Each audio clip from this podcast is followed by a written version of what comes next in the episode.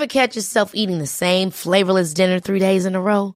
Dreaming of something better? Well, HelloFresh is your guilt-free dream come true, baby. It's me, Gigi Palmer. Let's wake up those taste buds with hot, juicy pecan-crusted chicken or garlic butter shrimp scampi. Mm. Hello Fresh. Stop dreaming of all the delicious possibilities and dig in at HelloFresh.com. Let's get this dinner party started.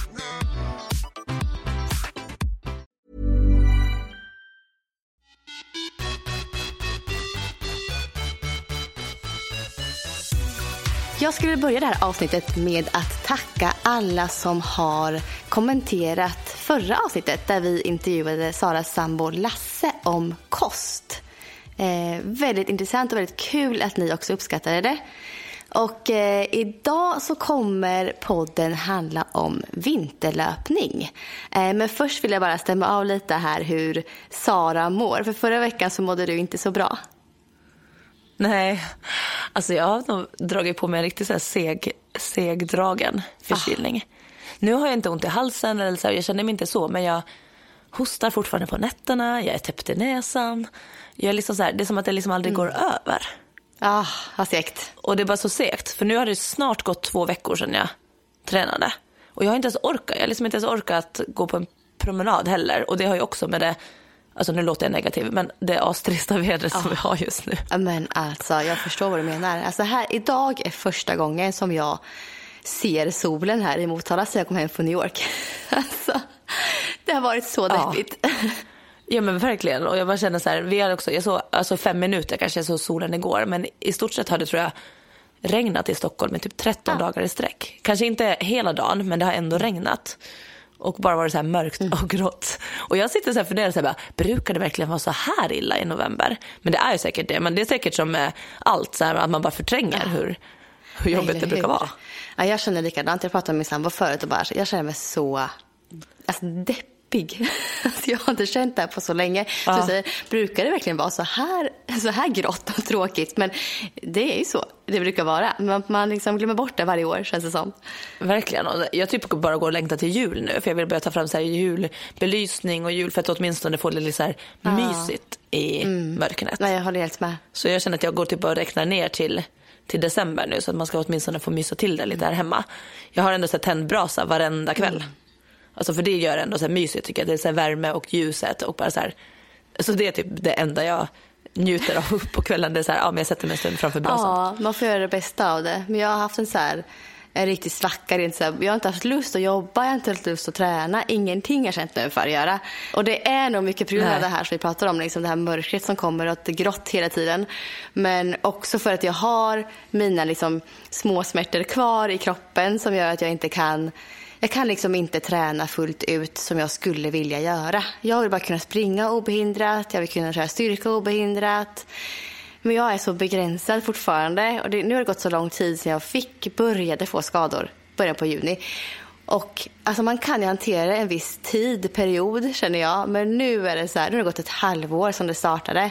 Och nu börjar det kännas, ska mm. det här vara för alltid? Ska jag få leva så här? Du vet, så, och bli deppig över det nästan liksom, lite ja. nu. Det har jag inte känt förut. jag tror en kombination av mörkret och kanske att mina mål nu det här för det här året är borta efter New York Marathon. Kan vara så också.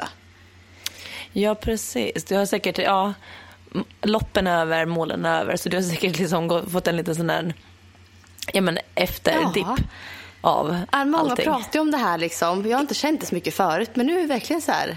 Jag tror att jag känner av det lite. Att nu är det så här, jaha, vad händer nu? Sen har jag ju långt fram, nästa sommar, mål liksom. Men inte innan dess eftersom att jag har lite ont fortfarande så vågar jag inte ta upp något mål tidigare än så. Annars kunde jag ju typ såhär, ja men jag anmäler mig till ett lopp i eh, mars eller något, kunde jag gjort annars, men det vågar jag inte göra. Och då tar jag det där kombo med den här november, alltså det är typ sämsta kombon, ja. tidpunkten. Så för att, eh, ja, för jag känner, du kanske känner igen det också, men det är så här, för jag börjar också så här, inte riktigt just nu ha ork och motivation till jobb, till träning. Eller jag vill ju träna men jag orkar inte för att jag är sjuk och trött typ. Men, och då blir man så här bara, jag vill typ bara ha jullov nu. Och det kan vara så lite skrämmande tanke för jag brukar inte vara Alltså jag älskar ju att jobba, jag älskar ju att träna. Och jag är ju sån som jag tycker liksom har lätt för att känna mig motiverad. Och då kan alltid de här dipparna tycker jag var lite Ja. skrämmande. För att jag kände så här, gud håller jag på att bli en person som inte tycker om mitt jobb? Fast jag vet ju att jag tycker om mitt jobb när jag är där. Men jag går ju ändå och längtar typ till julledighet för att jag vill bara, bara vara lite och dra lite filten över, Ja, men över jag mig. är likadan. Alltså jag, jag, som du säger, jag älskar också alltså mitt jobb jätte, jättemycket. Liksom. Det Mm. är skitkul det jag gör. Så det, är egentligen inte, det har ju inte med det att göra. Det har ju med andra saker i livet Nej. att göra. Att jag känner så här. Så att, eh, nej, vi får rycka upp oss och försöka peppa varandra. och komma igång. Jag tänkte på det efter, efter att vi pratade med motivation och PMS.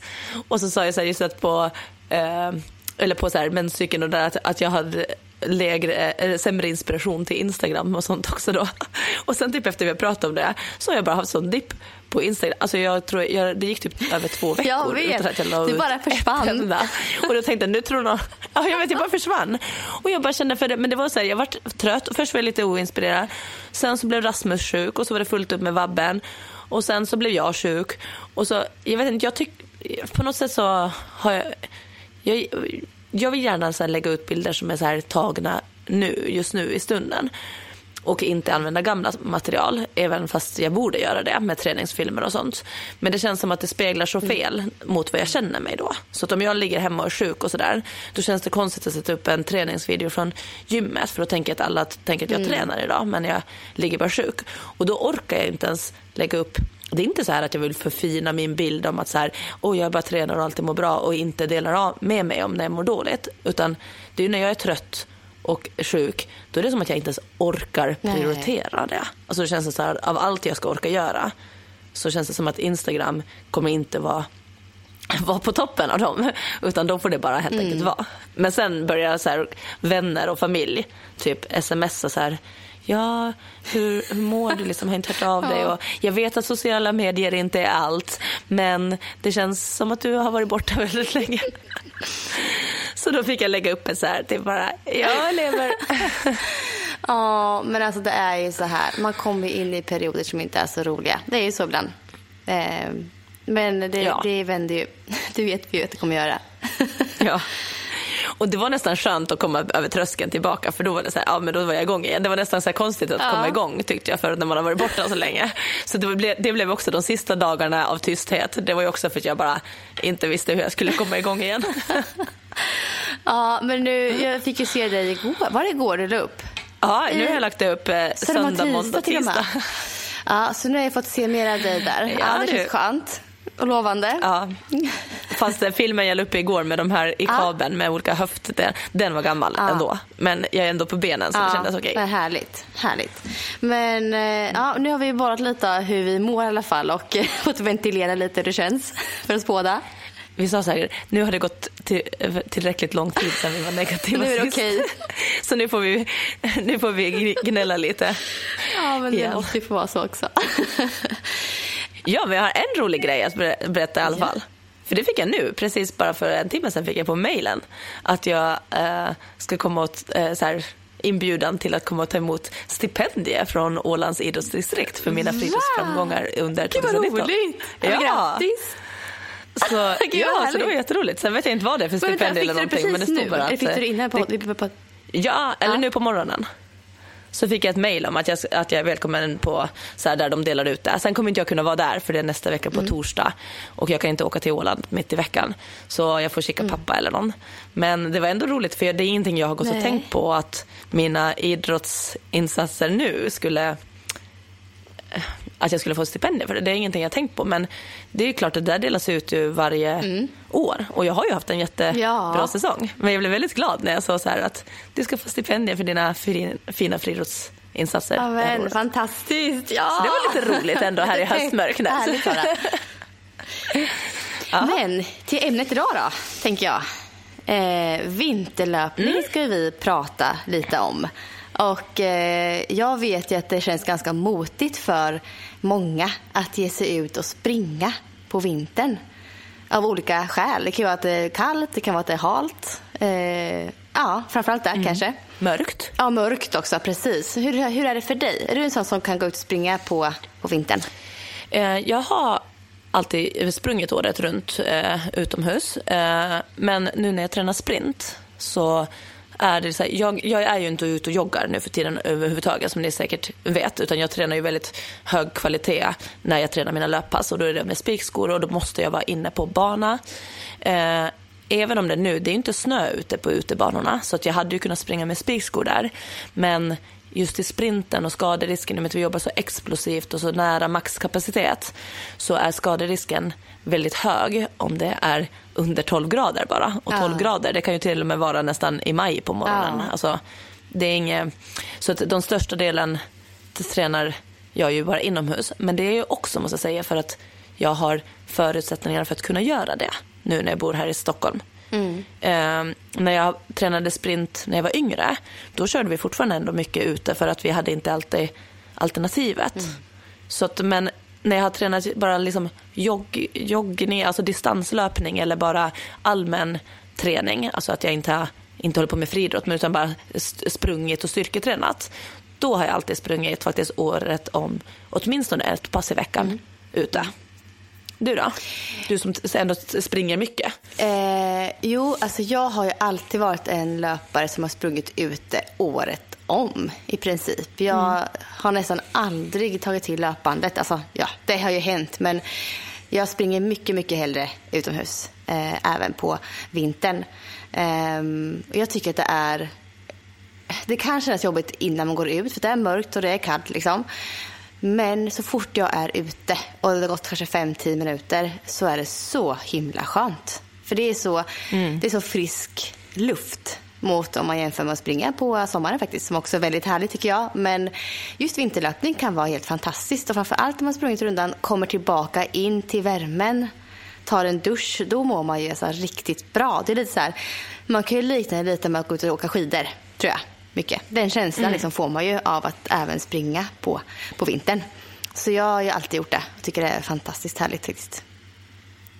Men när jag tänker vinterlöpning då tänker jag ändå så att det ska vara snö ja. och, så här, och då tycker jag att det är härligt. Ja. För då blir det också så här, det blir ju så mycket ljusare när det ligger snö på marken. Mm. Och när jag tänker på vinterlöpning då, tänker, då får jag ändå upp härliga minnen och bilder liksom i huvudet. Det kan vara att jag har varit uppe i Sälen och varit ute och joggat en stund istället för att åka i backen.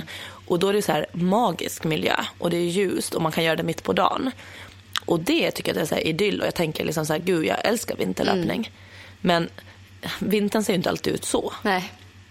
Det gör inte det. Ibland är det bara mörkt och det här med att och man ska springa efter jobbet och det är slaskigt. Då kan jag säga, tänker jag på det, då, då eh, går jag inte ut. Nej. Då gör jag mycket, mycket hellre passet inne på löpband, även om det ska vara distans. Ah. Men det är ju för att jag Alltså, jag gillar någonstans bekvämt. Ja. Jag tror att många funkar nog så. Men jag skulle säga att jag, som du säger, det är klart att det är bäst att gå ut där det verkligen ligger snö på marken. Det är ljusare liksom härligt och inte så mycket blåst. Eh, men jag är ju sån som faktiskt också springer när det är blåst och regn och blask. Ja. Eh, de rundorna blir ju inte under stunden lika härliga som de här när det ligger snö på marken. Det blir det ju inte. Men de är minst lika härliga när de kommer tillbaka in efter rundan.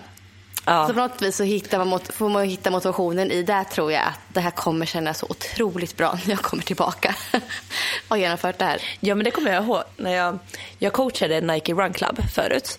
Eh, och då, så då sprang vi utomhus eh, två gånger i veckan året om. Ja. Och då spelade det liksom ingen roll vad det var för väder, vad det var för temperatur. Jag kommer ihåg att vi hade ett pass som var, då var det runt minus 10. Och det var så här, du vet alla de som hade skägg hade bara helt ja. ett snöfyllt skägg och sådär. Och då kommer jag ihåg ändå att jag liksom kunde ju ändå då planerar jag träningspassen så liksom att ja, vi ska inte gå upp i någon hög maxpuls eh, för att i och med att det är så kall kyla, mm. kall luft. Men och inte heller ha för långa vilor där man står där för man vill inte kylas ner. Så det var mycket så här joggvila, gåvila mm. och jobba i ett spann där man hela tiden nästan rör sig lite men i en bra pulszon. Men de, de kommer jag också ihåg de här passen att det var så här, ja, alltså innan så tog det emot både att gå dit och coacha och jag tror för många löpare men sen när de dök upp en efter en och vi, vår klunga bara blev större och större så skulle ge oss ut och så sprang vi och just det här som du säger när vi kommer in efteråt mm. den där, då fick vi varmsaft och sådant ja. efteråt också och den där high-fiven som man ger till varandra efter ja. ett sånt pass. Den var ju så magisk. Ja. Och det liksom, vi kände oss ju som krigare tillsammans. Liksom. Så det finns ju en skärm och tjusning med de här värsta dagarna också. Sen är det klart att när det verkligen blåser typ storm och är som värst och regnar från sidan, alltså då, då är det ju inte kul. Alltså det är inte kul för någon Nej. under tiden då, när är värsta dagarna. Men om man säger så här, vi- vilka pass skulle du undvika? Säg att du har ditt träningspass och så är det, men det är typ eh, minus 10 eller så. Ja. Vilka pass skulle du undvika att göra ute då? Är minus 10? Mm. Alltså jag skulle inte gå ut och köra kanske, om jag kör på något schema eller någonting, skulle jag inte gå ut och kanske köra de här äh, snabbaste intervallerna ute. Nej. Det, det skulle jag inte göra. Då skulle jag faktiskt välja hellre att köra dem på löpbandet inomhus. Det skulle bli bättre kvalitet på dem eh, då faktiskt. Så att, nej, de skulle jag faktiskt undvika. Men eh, i övrigt skulle jag nog kunna köra de flesta passen ute i minus 10. Där går det, lite, det är ganska kallt minus 10 är ju, då börjar lungorna känna liksom, att det här är jobbigt. Så um, ja, jag skulle kanske fördela hälften av mina pass kanske inomhus i den temperaturen och sen gå ut och bara joggpassen och lite så kan bli utomhus. Men inte mycket mer så minus 10 för då tycker jag att det, det är min gräns lite faktiskt. Ja. Då blir det ganska kallt. Mm. Vad känner du? Men jag känner nog, nog likadant. Just är det kallt så att jag hade inte, gör, jag, jag hade inte gjort någon form av kvalitetspass ute. Nej, men jag känner så också. Så att eh, liksom, inte liksom, inga så här tempo, om man pratar distans då, inget liksom tempopass eller eh, intervaller. Och inte allt för långa distanser heller. Utan jag hade nog tagit de här mellanpassen, de här som man bara mest samlar distans. Mm. De kanske jag hade gjort ute. Men för långa också, det kan ju också bli att man blir liksom nedkyld på vägen. Liksom. Speciellt om Man det blir- blåser springer man- samtidigt. Ja, och springer man långa pass så brukar ju kroppen efter en viss tid bli lite kall. Även när, det är okej varmt ute. Kroppen reagerar ju så. Ja. När man inte längre kan använda, det är väl när man börjar använda fett som bränsle som man blir liksom mer, mer nedkyld. Ja. Och händer det då, springer du ett två timmars pass i vinter med 10 grader så kan det hända. Och det kan ju bli att man blir sjuk istället tänker jag. Alltså det finns risker med det. Helt enkelt. Så att, eh, ja, någonstans där minus 10 går väl lite så gränsen för att då kanske man ska ta kvalitetspassen inomhus faktiskt. Ja, och tror det jag. tänker jag också, så just att det behöver inte vara bara att det är jättekallt, men överlag med vinterlöpning så är det, är det det minsta halt, då går jag också in. Nu har jag, jag har aldrig haft sådana dubbskor, eller vad säger man, som har, alltså med med spikar under, alltså som joggingskor. Det har jag aldrig använt. Jag har använt broddar någon gång, men jag är inte riktigt fan av det för att jag, när jag springer med broddar så känner jag att jag eh, ändrar löpsteget lite grann. För att spikarna oftast där sitter på hälarna också så är det som att jag lite springer jag, ja, jag ändrar teknik, jag drar mig fram lite försiktigt. Och jag har aldrig gillat riktigt att springa när jag måste ändra tekniken. Eh, däremot är det bara lite halt, eller så här vanligt som snö, då tycker jag nästan att man kan få nästan bättre teknik av att springa ute. För att man landar väldigt under kroppen. För man vill inte sträcka ut för att det är större risk att halka om man tar ett långt kliv. Så då blir det ganska naturligt tycker jag. Så på så sätt kan det vara bra att är det lite, mest bara snö men inte superhalt, då kan det vara så här att det hjälper att jag springer väldigt eh, lätt och fint under med fotsteget liksom under kroppen. Men är det sen halare och, alltså så här, och man ska springa intervaller. Där är ju min största risk att halka, inte halka omkull, utan du vet den här lilla när man bara halkar till lite med foten Ja. och så kan man få en liten, liten sträckning någonstans. Det är typ den som är min, så här, varför jag inte vill springa eh, och det behöver inte ens vara jättehögt tempo, men bara där jag börjar trycka ifrån. För när jag börjar trycka Ja. ifrån och om foten slinter lite grann då så är det så lätt att få någon sån här, ingen allvarlig skada, men en sån här liten jäkel som hänger sig kvar sen. Alltså här kommer vi in lite på alltså utrustning för vinterlöpning egentligen. Eh, det med broddar och skor som är dubbade. Vad finns det? Vad bör man ha? Och där tycker väl jag, jag är sån som har sprungit med eh, skor som har dubbar eh, inbyggda. Har jag sprungit i nästan varje vinter. Och för mig har det varit räddningen. Jag skulle ju aldrig kört vinterlöpning de halaste dagarna om jag inte hade haft de skorna. Nej, det kan Då jag hade jag också gått in och sprungit. Ja, Men det kan jag verkligen tänka mig. För jag har aldrig haft sådana löparskor för att jag har inte sprungit den mängden ute. Så jag har inte, Nej, då, exakt. Och då har jag tyckt att jag har klarat mig bra liksom, med vanliga Ja. joggingskor. Men någon gång lånade jag mammas sådana när hon, när jag, eh, som hon har när hon är ute och går med hunden. Och så var jag ute och gick med dem och jag bara Jäklar så vilken skillnad det var. Alltså vilken fest. Man var inte Ja. alls rädd att, och man gick inte och spände sig på samma sätt heller då. Nej, nej. Och det finns ju lite olika sådana alltså varianter. Som du sa fanns det ju med sådana som är inbyggda i skorna.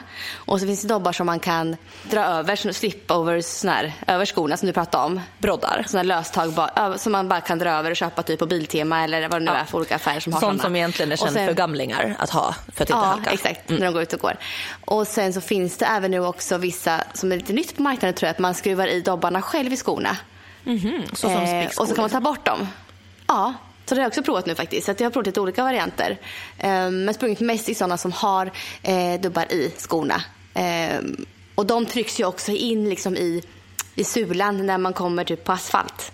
Så det stör inte så mycket heller när det är lite så varierad terräng heller. Så att hitta rätt, hitta rätt där. Eh, det finns, alltså Icebug är ju vanligt märke som funnits länge. Som har, mm. De har mm. satsat mycket just på skor med dobbar. De är ju väldigt, väldigt bra. Där trycks spiken in i sulan när man kommer på asfalt eller lite hårdare underlag. Och sen så blir det riktigt bra grepp, alltså på is. Du skulle kunna springa på isbana liksom, utan att trilla med de skorna. Mm. Och nu har jag testat, eftersom jag använder Saucony, eh, så har jag provat eh, deras nya eh, Mad River, tror jag heter.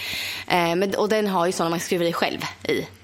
Jag har provat dem bara en gång när det var lite, det är inte blivit vinter här än så jag har inte provat dem ordentligt än. Nej. Men det är också en lite kul idé tycker jag att man skruvar på själv om man vill ha dem och så kan man bara skruva bort dem. Det är en ja. väldigt smart grej. Så det blir en vanlig terrängsko annars eh, när man tar bort själva de dubbarna. Ja, men det är smart. Så att, eh, ja, intressant. Eh, och nej, men jag säger att om man är sån som vill springa och satsa på, på löpning utomhus på vintern, då måste man hitta en bra lösning på, på det här, på greppet i skorna. För det kommer vara avgörande för om du kan springa när det är som halast ute. Ja, och nöjer man sig med att bara, nej men jag vill bara ut och lunka lite, jag tycker om att jogga ute ibland. Då skulle jag säga, jag har haft ändå vinterskor, inte sådana extrema, alltså inte så specialiserade. Men jag har ändå haft vinterlöpskor, vilket innebär att de är lite mer fodrade. De är ja. vattenavvisande och de har reflexer. Mm. och sådana skor har jag, det har jag haft på vintern. Att jag liksom ändå har, och det är ändå skillnad för jag känner att de håller varmare. Eh, och att jag också mm. ser till att ha en storlek där jag får in en, en bra strumpa, lite tjockare strumpa också.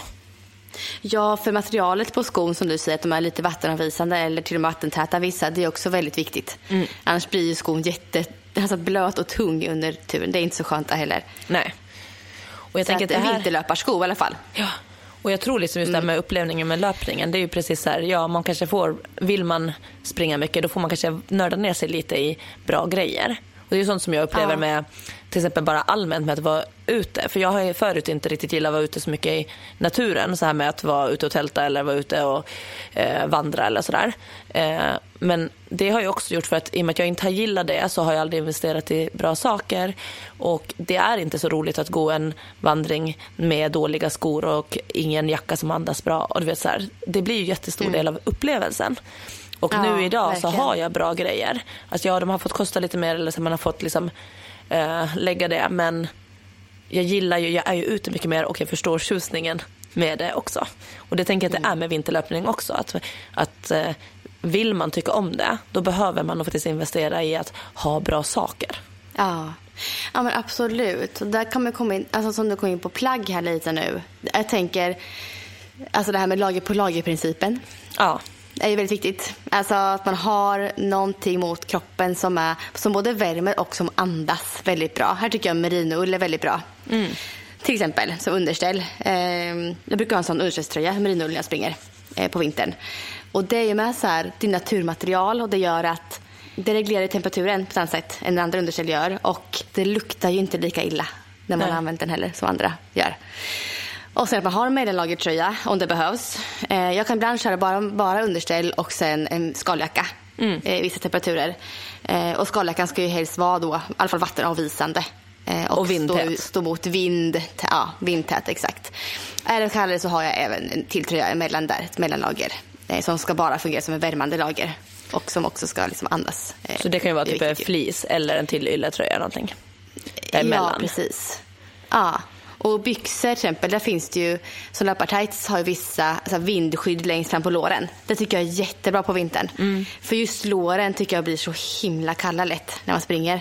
Så ha vindtätt fram till eh, tycker jag kan vara verkligen värt att skaffa sådana såna löpartights faktiskt. Ja, men verkligen. För det, man, allting som liksom möter vinden blir ju väldigt nedkylt. För det kan jag också Ja. tycka, liksom, även om det, om man, om det är så här mellanvarmt, att man kanske inte behöver alla tre lager. Men då kan jag tycka ändå att det är skönt att under jackan ha som en extra väst eller någonting också. Så att man får liksom på bålen. Ja. För den är också sådana som möter. Och det kan man tänka på också, är det väldigt kallt ute och man ska ut en längre tid. Dels att försöka hitta så mycket vindskydd som möjligt. Till exempel att springa i skogen. Där det inte blåser lika Ja. mycket. Och går inte det utan när jag ska ut och springa då kan det också vara smart att faktiskt först börja att springa i motvind i och med att det blåser på extra mycket så man också känner om man börjar bli lite kall så man inte får det på vägen hem. Tillbaka. Ja. Så att man kanske Visst. först springer lite i motvind, dels när det är lite tyngre men också som sagt du får kylan på dig så att du, du vet lite hur det känns och sen så får du då springa medvind hem och då blir det inte lika kallt fram på heller. Så det kan vara ett bra tips om man, Mm. Ja, men om man ska ut och springa i absolut. kallt blåsigt. ja, ja, verkligen. Och så tänker jag såklart, tänker jag mössa, vantar. Ja, händer och Alltså mössa skyddar ju, så, alltså händer blir så frusna lätt. Och Mm. eh, huvudet, det vet vi, mössa skyddar väldigt mycket Mm. eh, mot kyla. Så det är jätteviktigt. Och där kan vi också anpassa lite. Är det en jättefin vinterdag där det inte liksom snöar eller regnar, den ligger bara på marken liksom, då kan man ju ha kanske en tunn merinoullsmössa. Tycker jag också merinoull också är skönt att ha då. Är det lite blåsigare och kanske till och med ja, men regnar eller snöar, då kan man ju ta en som är lite mer vattenavvisande eller tät mössa. Och vantar är samma sak där liksom. Man får anpassa lite efter vad det är för, för väder helt enkelt. Och strumpor, samma där tänker jag. Alltså det är också skönt med någon slags ullstrumpa. Tycker Ja. jag gilla på, på vintern. Det har också kommit mycket så företag som gör reflex, alltså du vet så jackor och sånt som ser ut som en vanlig jacka typ i någon färg och sen när Ja. man lyser så är det Ja. reflex i hela. Jag, vet, jag har en sån från Nike som ser bara eh, när det är vanligt så ser det bara ut som att den är lite så här spräcklig i olika färger. Jag tror jag minns när de kom. Ja. Jag kommer att vi hade ja. Mm. med, Nike hade vi event med dem då, där vi hade så nattlöpning, alltså mitt i natten. Jag coachade ett pass Mm. som var när det blev vintertid. Så vi hade samling, alltså var det klockan två? Eller någonting. Och så sprang Ah, vi, och det, var- det var typ hundra löpare som vi sprang. Men hallå, det här minns jag också. Minns? Att jag Ja. såg reklam om. Och jag Ja. minns det här. Ja, det är. Och det här är ganska många år sedan, men de var ju bland de första på marknaden då, för jag hade inte sett Ja. det typ då. Nej. Och den här jackan har jag faktiskt kvar, finns- för den har hållit superbra. Och den är också så lite fodrad, men den, löper, den blir väldigt varm. Så springer jag länge så måste jag nästan alltid sippa upp den sen, för det blir varmt i, i den. Men den var också så här att den ser ut som en vanlig jacka. Så att, eh, eh, och sen direkt liksom, när det lyser på den så blir den liksom hel vit. Den var liksom, eh, ja, syns superbra. Och den har jag jättemycket nu så här vardagligt också på vintern här hemma när man men alltså det är så här, bara går någonstans eller i, Ja. vid båten och så när vi kör och sånt också. Att den så syns så himla väl. Men ser ut som en vanlig jacka. Och det tycker jag, jag gillar de kläderna. För det har jag sett att det börjar komma alltså vanliga alltså streetkläder också. Så här, snygga kläder. Eh, som är reflex fast de ser inte ut som en så här tråkig reflexväst liksom. Det har jag en ifrån. alltså Jag, jag eh, har ju mycket plagg från Sock, från Stadiums eh, egna varumärke. De har också en sån jacka som är eh, typ över hela jackan. Och den, det syns ju inte när man går till vardags. Lite grann kan man ju antyda att det är reflexer. Men när det blir mörkt så syns, lyser den verkligen upp jättemycket. Kommer en bil mot mig och lyser mot mig så bara lyser hela jag upp. Liksom. Ja. Så den jackan har jag också jätte, jättemycket. Och jag har den även när jag typ går ut och går med många lager under liksom på vintern. Alltså den är, ja, den är toppen. Så sådana plagg gillar jag också jättemycket. Och det finns ju även löpartights Ja. med den funktionen. Alltså, det är nästan, det är ju snyggare än att dra på sig en reflexväst. Ja, det, är så, så, Faktiskt. det ser faktiskt roligt ut när någon har den och så kommer man, om man typ sitter i bilen och väntar på den så kommer den. Ja. För man ser ju liksom hela armar och allt, alltså hela rörelsen så det ser ut som en lysande gubbe Men det är ju emot. så bra. Ja, Det är så bra. Jag tänker så här, när man kör bil ibland så ser man ju inte ens när någon går över gatan Nej. nästan. Tycker jag. Och jag blir så glad då när man ser någon som kommer och går med sån där upp, alltså sån jacka eller reflexväst Ja. verkligen syns så väl liksom när man kommer. Det gör så himla skillnad. Verkligen. Jätteviktigt. Och pannlampa som Ja. du sa också, för det är ju mer för att man själv ska se. Ja, precis. Och det, Det är faktiskt, jag, jag har inte provat en pannlampa. Jag har kollat på många sådär. Och, eh, men jag har inte testat någon själv faktiskt. Ja. Ordentligt.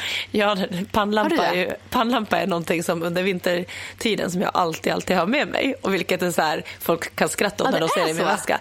Men det är ju för att, och där tänker jag att det stämmer också om man kanske bor i en lit, alltså ute på landet eller någonstans. Och det är ju som på Storholmen så har vi inte gatubelysning.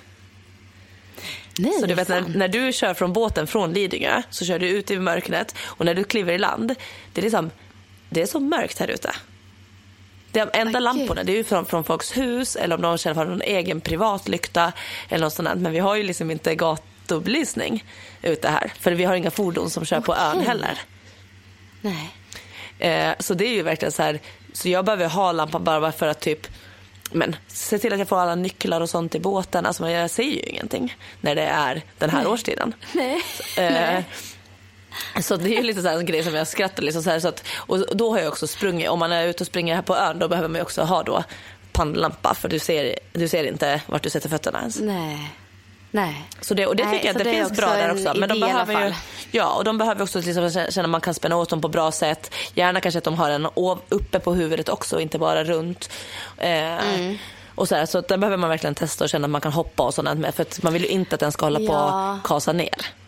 Och det finns ju de som är anpassade just för löpare. Mm. Det finns de för löpare, det finns de för skidåkare och det finns de för cyklister säkert. Alltså så, det finns ju anpassade för olika sporter för att man vill se olika långt fram. Ja. Tänker jag. Ja. Och, och vidden med kanske på sidorna. Hur mycket behöver man se liksom, Mm. olika sporter. Så det är väl bara att gå och fråga någon specialistbutik om man är intresserad av det. Och kika in vilket sortiment som det finns. Ja. Vad är det mer man ska tänka på då, vinterlöpning? Alltså- vi har ju pratat om utrustning ganska mycket. Ja, men jag tänker alla fördelar som finns med dem också. Det är ju just det här med, jag tänker, att komma ut i solljus om man kan typ på helger. Alltså just under den här tiden, all tid man kan komma ut i dagsljus. Det behöver inte vara solljus för det kanske vi inte ser så mycket av. Men dagsljus ändå. Att bara komma ut där. Eh, frisk luft. Jag tycker också det kan vara en fördel i så här lite balansträning och teknikträning. Att du måste vara, du måste vara fokuserad på var du sätter fötterna. Du måste sätta liksom. Ja, och det här är intressant också för att det är det snö, det är ganska jobbigt att springa på vintern. Mm. Det är mycket mer motstånd än vad det är på övriga tiden av året. Och det, är väldigt, det blir väldigt bra styrketräning för löpare Ja. också faktiskt. Och ut och pulsa i snön är ju skitjobbigt. Ja, precis. Speciellt om man väljer just så här ställen där det inte är plogat eller hade utan faktiskt också springa på Ja. i snön. Ja, men det har jag tänkt faktiskt många vintrar att, att jäklar vilken bra träning man får just under vintern. För att det är så ojämnt. Du måste parera. Du måste kanske springa genom snödrivor. Det blir en helt annan löpning än när du bara springer obehindrat raksträcka på asfalt. Ja. Så det är grymt bra träning. Ja men verkligen. Men det, och det här är också så här. Det här är ju också mycket varför vi i sprinten inte springer för att vi, att vi vill alltid, man vill alltid träna ganska eh, tävlingsspecifikt. Och det här just med Precis. lager på lager, ojämn yta, allt det gör ju liksom så här svårare att springa tekniskt eller springa nära Mm. maxkapacitet. Jag tänker när vi tävlar i sprint, vi har ju typ inga kläder på oss alls nästan. Alltså det är så här, man vill inte ens ha ett par tights för det känns som att alltså du vill bara ha liksom så lite motstånd som möjligt i Mm. allting. Så att, Och det förstår man ju att det är så i sprinten. Men just för typ distanslöpare Ja. så är den här träningen väldigt bra grundträning för kommande säsong. Ja, det kan verkligen. nästan inte bli bättre Nej. på något vis. Nej, verkligen. Och andra så här tips, jag tänker så här, när jag tänker tillbaka på när jag tränar sprint, men som ändå kan vara tips för en annan om man vill springa att man inte vill springa på löpband. Så jag kommer ihåg, nu vet, det kanske beror lite på var man bor och sådär, men vi kunde typ också springa så här snabba intervaller i garagehus. Alltså gallerior och sådär. Jaha. Alltså så här, Ja, vet du vad, chilla, för där får du ju, där får du ju torrmark. Så det är Ja. fortfarande ganska kallt. Men att jag brukar oftast kunna hitta sådana här ställen och på kvällar är det oftast inte så, så här mycket bilar. runt. Är man ett gäng så syns det också att man springer där. Så vi kunde hitta så här garage Ja. och så tog vi liksom en länge där det inte var bilar. Liksom. Ja. Och när jag tänker efter nu så vet jag, så, det här var ju på Åland, men jag vet sådana ställen typ på Lidingö och sånt också där man hade kunnat gjort det på Jaha. kvällen. Där det liksom är. Vet Se där. Så sånt kan vara ett tips om man, om man ändå vill. Och sen ett annat Ja. ändå så här, om man känner att jag vill springa, för det är ju lite skillnad att springa på löpband än mot springa vanligt. Oavsett om jag tycker att löpbandet är jätte, jättebra alternativ just för eh, kvalitetspass, Mm. backträning och så sånt, alltså på vintern. Jag tycker absolut inte man ska undvika det för att det är inte exakt samma. Men eh, det är alltid lite skillnad och vill man då springa vanligt, det är ju också för att jag ska kolla tillgänglighet till eh, friidrottshallar. Jag vet inte hur det är i Motala om man, om det går att gå in. Men jag vet på Bosön Jo, så är det ju, ja. på Bosön kan du betala per gång. Eh, så är, det, det, är det mycket, finns det många allmänhetens tider där? Eller är det svårt att få på Bosön kan du gå in när som helst. Gud vad Än bra, så länge. för så är det ju inte här. Nej. Alltså här är det ju liksom, vi har en inomhushall eh, och den, det finns typ, jag tror det är bara en tid i veckan du kan eh, gå in i den Mm. Ja. egentligen. Men det är, det är ju bra, då kan man ta det som kvalitetspasstiden. Exakt. Så det finns säkert någon sån lösning i, de flesta städer, Ja. tror ju jag, idag. Eh, För så Motala vet jag att jag var uppe, stad. när jag var Eh, så uppe i Umeå hos syster också. Då var jag där och tränade för det Ja. var ju när jag ändå innan förra vintersäsongen så då ville inte jag missa mina pass. Och då var jag också på helgen Nej. och tränade i eh, uppe i deras inomhushall och det gick också, man, men då fick man gå och kolla där när det är bokningar och sånt och när det är så här allmän Ja. tid. Men det är ju ändå så här, jag tror att det är också en grej som folk glömmer bort att det faktiskt finns där du kan springa Sen skulle inte jag vilja springa långa pass på en 200 meters bana för det blir också lite så här att springa åt ett Nej. Mm. håll. Lite så här. Men säg att du har intervaller eller liksom Ja. den typen. Då är det ju perfekt att faktiskt och ganska roligt tycker jag, att få gå in och springa det på bana. Ja, men det roliga, ja, det roliga på vintern blir ju att det blir större kontraster i, i träningen kanske än vad det blir på sommaren Mm. och våren. För då blir det så här, då kanske man varierar utomhus med lite banlöpning om man inte brukar göra det. Som långdistanslöpare kanske man inte är på banan så mycket. Ja. Men det blir kul för oss distanslöpare att kanske gå in och springa lite sprintigare alltså, på vintern ibland. De passen blir väldigt roliga. Mm. Ja. Och kunna variera med distanslöpningen. Ja.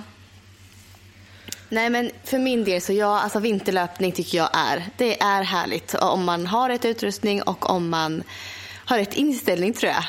Eh, och bara liksom bestämmer sig för att ge sig ut. För när man väl är ute så är det oftast ganska skönt. Och alltid när man kommer tillbaka från en sån runda så är det mycket skönare än att komma tillbaka från en sommarlöprunda faktiskt. Ja. Ja, och så, alltså jag tänker, jag tycker att man ändå, det kan vara bra att liksom ändå ha det där, i alla fall en gång i veckan, ett av passen, köra ute året runt bara för att, bara liksom så här, kanske också för en mental grej, bara så här, men jag tar mig ut och springer. Så som jag alltid gör. Ja. Eh, Ja. Och att också, så här, för man märker att man behöver inte vara så rädd för det. För det be- behöver inte vara liksom, om inte, ja men så här mörkret, ja det är jobbigt, men då kanske sätter det här passet på helgen då, där du kan gå ut på dagen. Eh, Men för det är ganska härligt. Jag börjar fundera, så här, jag har ju ändå sprungit, har du sprungit något lopp på vintern?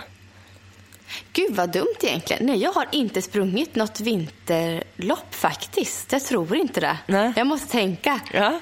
Jag tror inte att jag har gjort det genom alla mina löparår. Det är ju väldigt konstigt. För det hade varit väldigt kul. Ja. Jag har sprungit. gjort det? Ja, jag sprungit. För vi har, alltså, men det här var ju hemma på Åland. För där, de är rätt duktiga på att ordna saker året runt där när jag tänker efter. Men dels har det alltid, det är fortfarande, det varje år så är det ett som heter nyårsruset. Och det är alltså på Jaha. nyårsafton fast på, på dagen. Och det, är ju, där, det börjar med alltså, att vi har jobbat som funktionärer där när jag tränade gymnastik.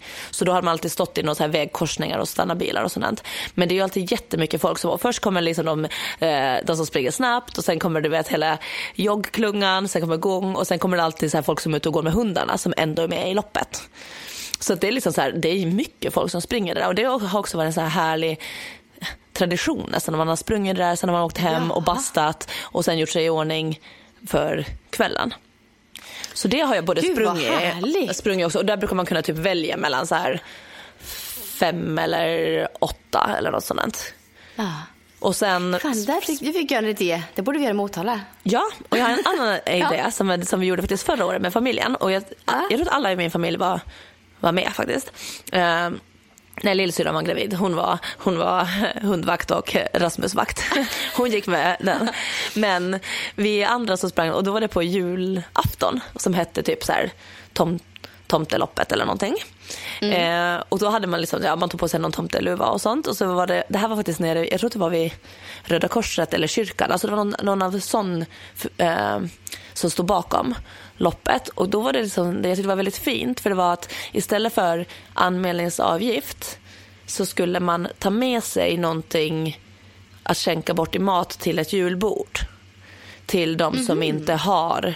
Så att det här på kvällen var det här liksom, så man kunde göra pepparkakor, man kunde göra julmust. Så att man kom med saker liksom som var eh, ja, men som till julbordet för de som inte har ett julbord att, att gå till eller liksom så.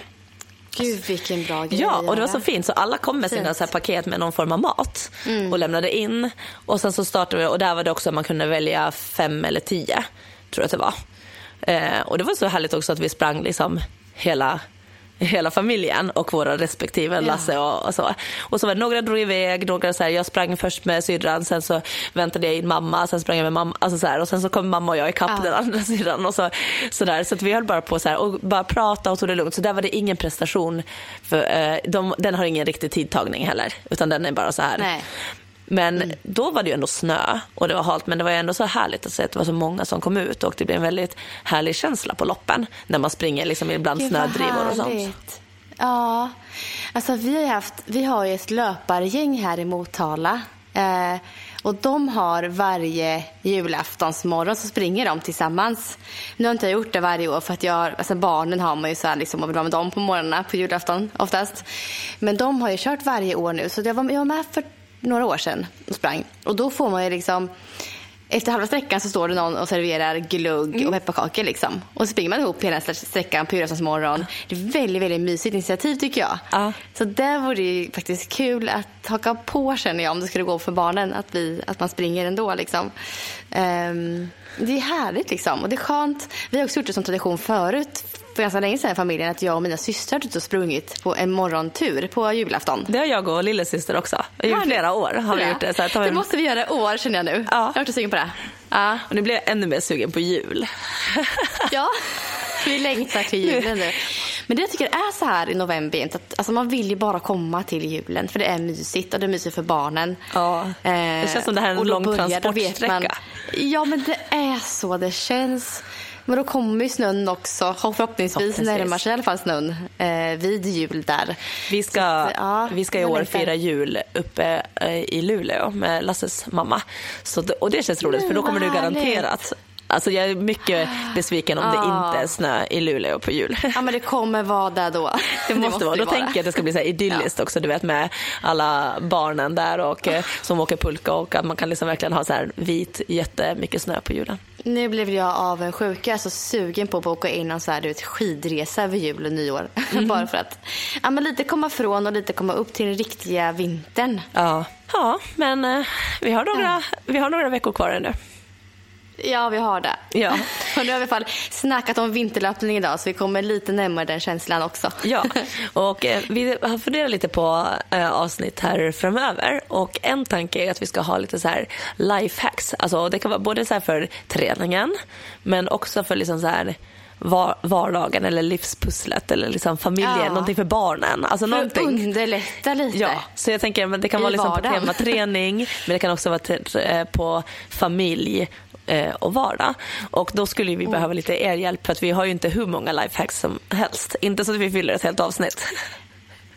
Nej, absolut inte. Och när, vi snackade om det här, här veckan så bara, gud vad har jag för lifehacks? Har jag någon? Tänkte jag då så här. Så ja, jag ska fundera lite. Ja. Det, det, finns några och Du kan försöka söka har, men... också. Men, så det skulle vara jätteroligt ja. och bra om ni kan dela med om ni har så här, oh, det här gör jag varje morgon för att den inte ska bli så stressig. Eller det här gör jag eh, alltid på, alltså det kan ju vara så enkla saker men man typ ja. förbereder frukosten dagen innan eller någonting. Alltså... Ja, för att underlätta för att komma iväg på sitt träningspass. Vad gör man för, att, för att det ska bli lättare och inte bli så mycket hinder i vägen. Alltså vad som helst ju. Ja.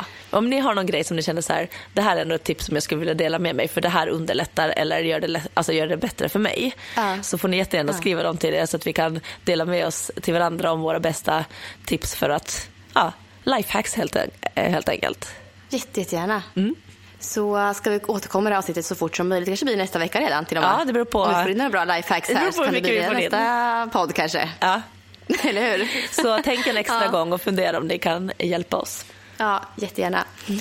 Nej, men vad säger vi Sara? Är vi nöjda annars med veckans eh, inspelning? Ja, jag blev ändå så här, från lite ja. depp till lite pepp på vintern. Vet du, jag fick Ja, ja, jag fick energi nu kan jag säga. Ja, för nu börjar jag så här, och jag tänker så här, nej, men jag ska nog kunna planera in i min träning några mysjogg i alla fall ute. Ah, de, ja, de vita dagarna. När det är så här vitt snö och så då ska jag, men typ under jullovet och sådant, att bara mysjogg ute i, ute i snön. Ja, jag ser fram emot det mm. jättemycket. Men, eh, nej men vi hörs ju igen nästa vecka och då kanske det blir en lifehacks. Vi får se. Ja. vi får lyssna. Ha det så bra så länge allihopa. Ja, ha det så bra. Hej. Hej då.